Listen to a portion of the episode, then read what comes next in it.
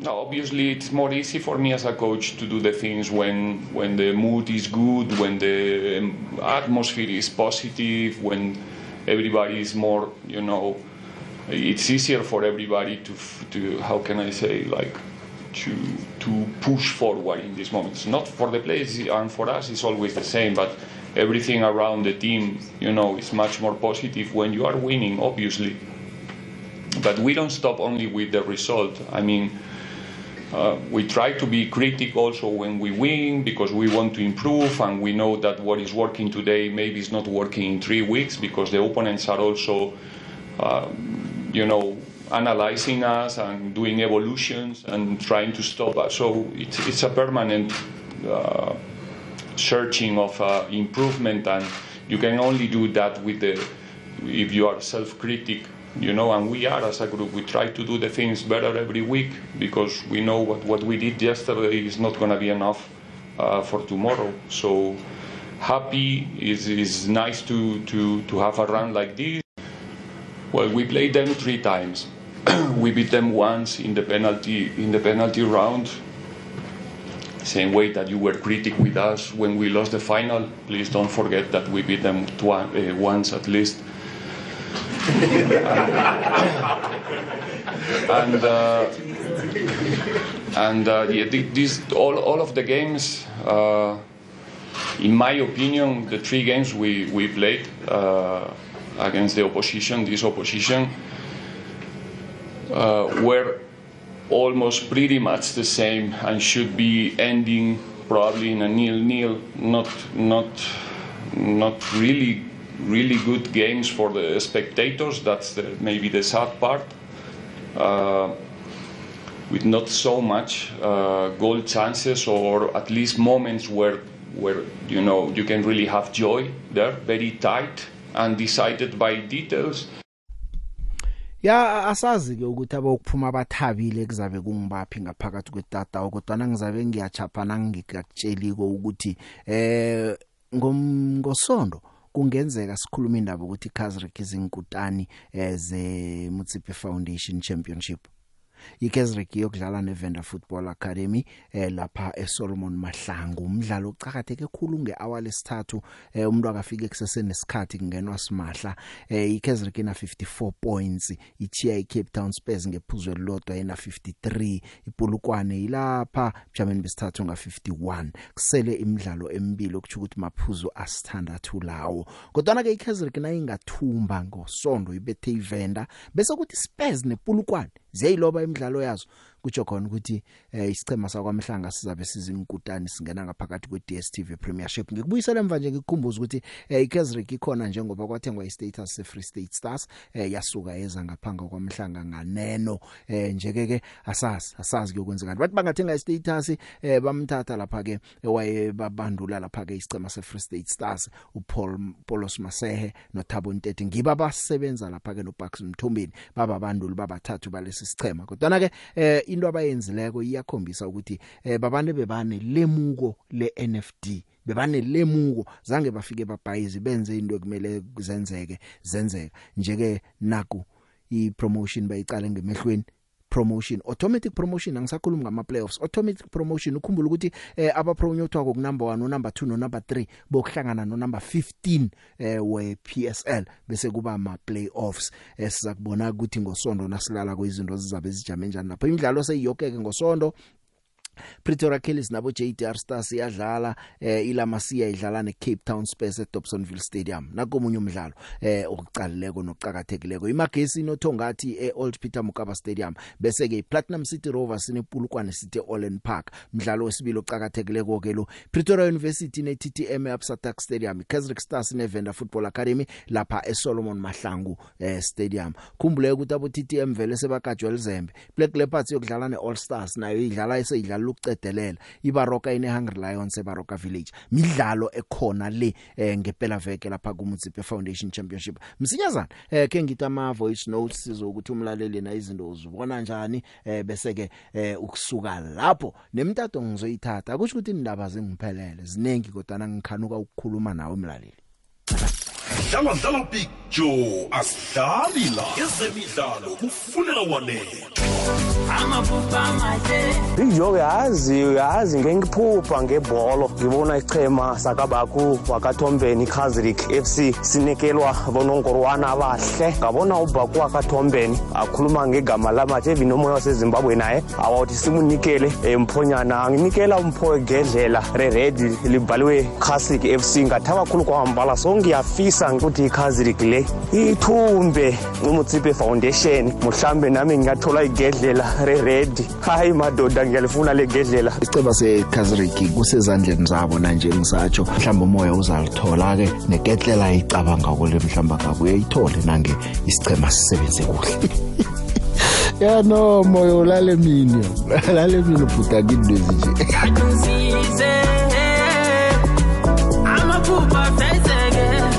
Kulelawanethwa ekunjani big joe eh big joe hey kusasilanga elikhulu kakhulu big joe i-south africa yonke big joe. Ngasho ukuthi nase-afrika njengoba umdlalo omkhulu idaba but big joe mina ngumlandeli we-kaizer chiefs big joe I- i-pirates ishaye kakhulu big joe sazanelisa ngayo big joe but kusasa noma kungenzakalani big joe angiboni singabalandeli singakhala kakhulu. Khona ikhaphu salifuna big joe sesinesikhathi eside nje singathathi ikhaphu big joe but mas mawufeva big joe um ulazi ibhola big joe hayi uzobona nje ukuthi hayi kona lo mdlalo kusumdlalo ongaphela um ku-ninety minutes umdlalo engiwubona nje uzoya kumaphenati big joe sekuzobonakala khona ukuthi kwina ini big joe um singabathandi bezemidlalo ngapha empumalanga big joe. Sisemva kwe-castle stars big joe. Kanti castle stars inga- ingathumba nje big joe bese i-cape town nepulukwane ngathi zingadrowa big joe. Sibone i-castle stars ku-p s l. Ngiyathokoza. Ukhuluma nothabo mahlanga ngapha nge-great plaza. Orlando Pirates siyayithanda sifuna ukuyenza igovernment awu sifuna ukuyenza yona sifuna ukuyenza igovernment. Omkhulu umdlalo ngwakusasa inswazi ze-Kaizer Chiefs zisemanzini. Ngiyafisa bona mna umbanduli wesichema se-Orlando Pirates angathoma ngosaleng akambuyisa esiqundini sesibili kukula sizobaqedelela khona sidosa ngamagolelo amabili ngaphambi kobana sesiqundini sesibili. Orlando Pirates izokuthumba kahle kamhlophe nokho ukuthi batsho kwenzekani emuva namhlanje sithoma fresh kusasa igame isezandleni zethu thina simabhakani yabona siyilawula njani? Khuphuka mzomnyama emloto ukhuluma nosizwe busehla ibhakaniya lamabhakaniya. Eh kunjani Big Joe?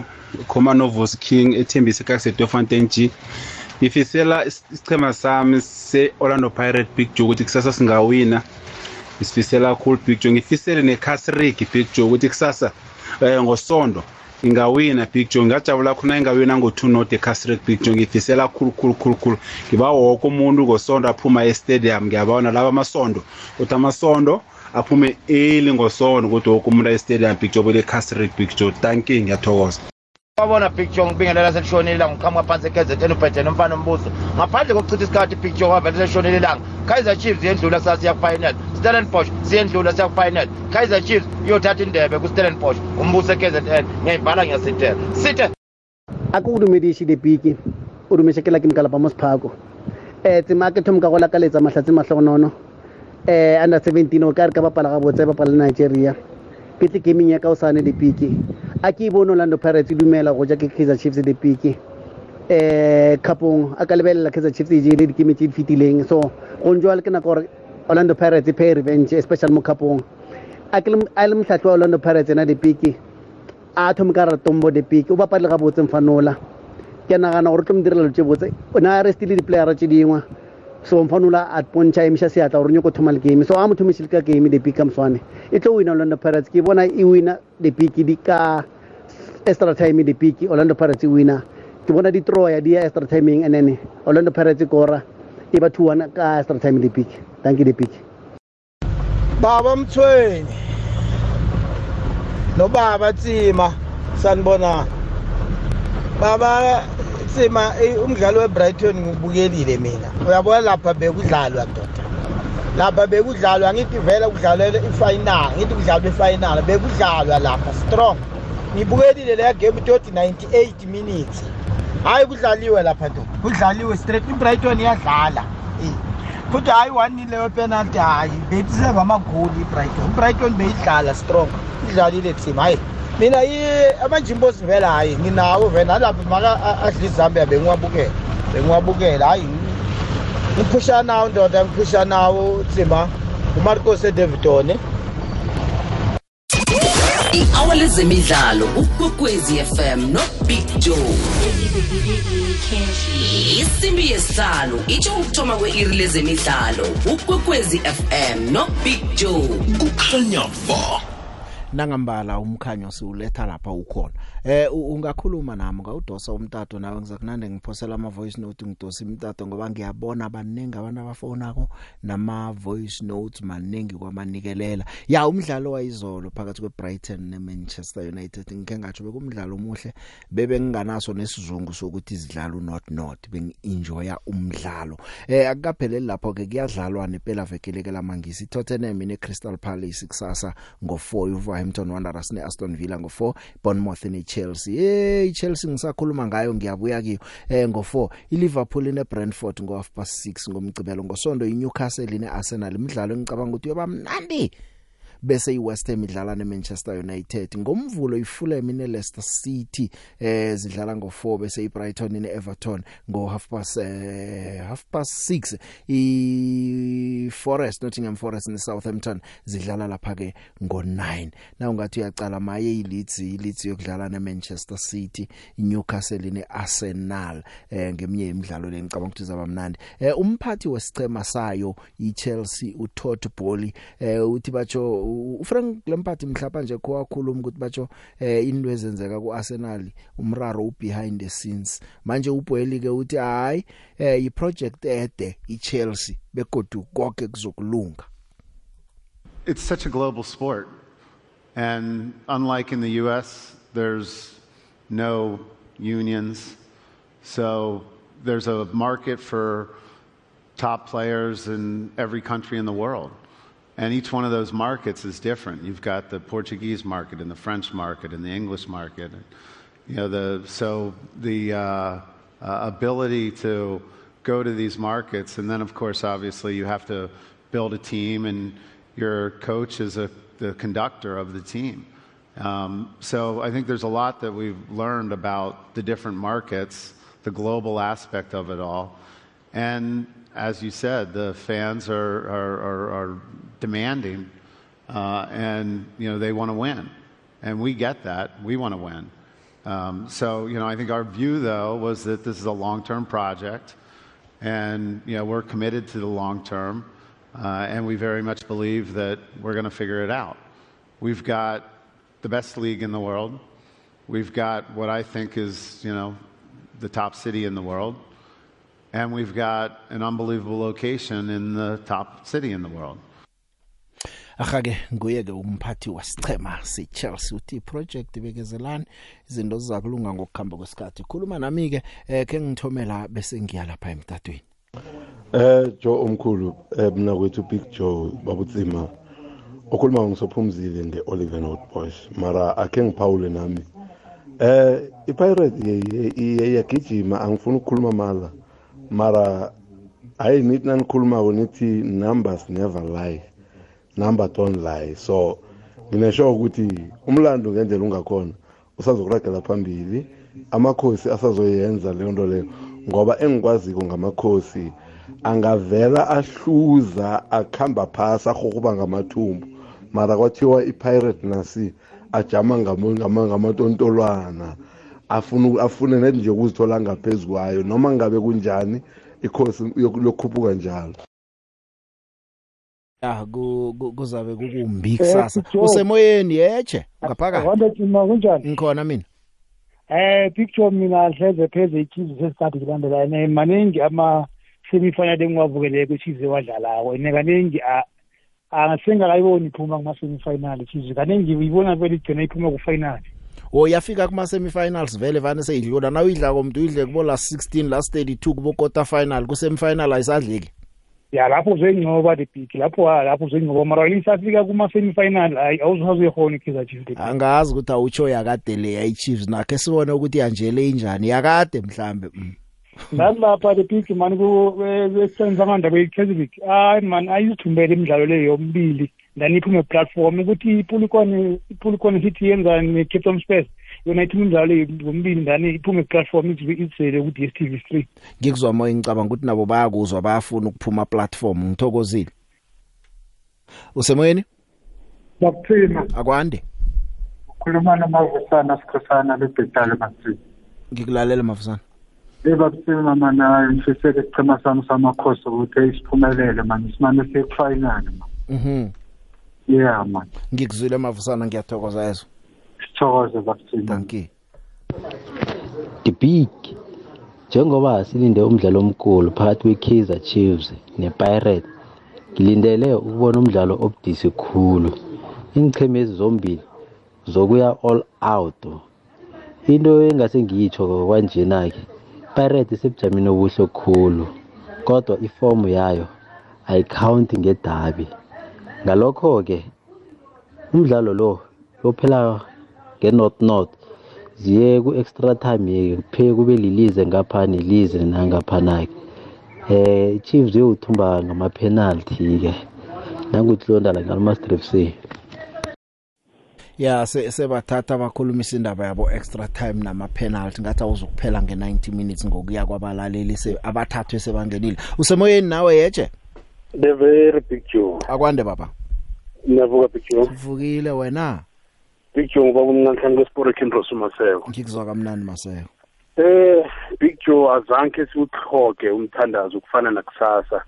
Kusasa ngifisa ngathi chizi ngadlala kuhle iphume ngoba na big joe siyalihloga yabona leli leli cup leli siyalihloga big joe ngiyakubona konke babo omncane usesenethemba mara namntu abantu nakwabhalalela eh le le TS Galaxy lapho msoko umuntu wayebhejile ukuthi nibuya nalo lela.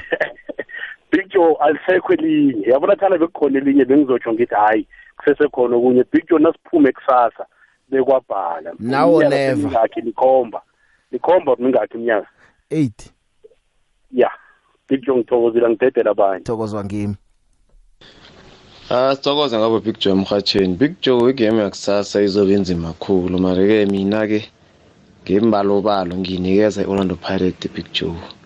Chiefs yangali iyayibe beyibetha iminyaka le iOrlando Pirates but ngoyibetha kwayo just beyibetha ngokuyiguguthela straight straight bengayibethi the big bese Sunday khona eh Stellenbosch siya kuma final the big. Khona nekhosi lihle mahlangu ngaphandle kweLiving ngiyathokoza. khoselihle nabakhona unikhukhuthela amahlandla adluleko bangahlulwa yini kusasa kukhukutha kudu usemoyeni yeje siyabathela ngamanzi kusasa sibathela ngamanzi big joe. Nibo bani nithela bobani nina? Ya ugideon esigandayo flash lubo le. Sho sho. Ya kubathela ngamanzi big joe ubheke wena kuyoba nzima kusasa. Ulibhakaniya kusasa ubathela ngamanzi. Indaba kudala le yasayimbeli manje 2023 baba. Isizini lebani bethu kuya nokubuya? Ganentreg ya ukhambile usilahlekele.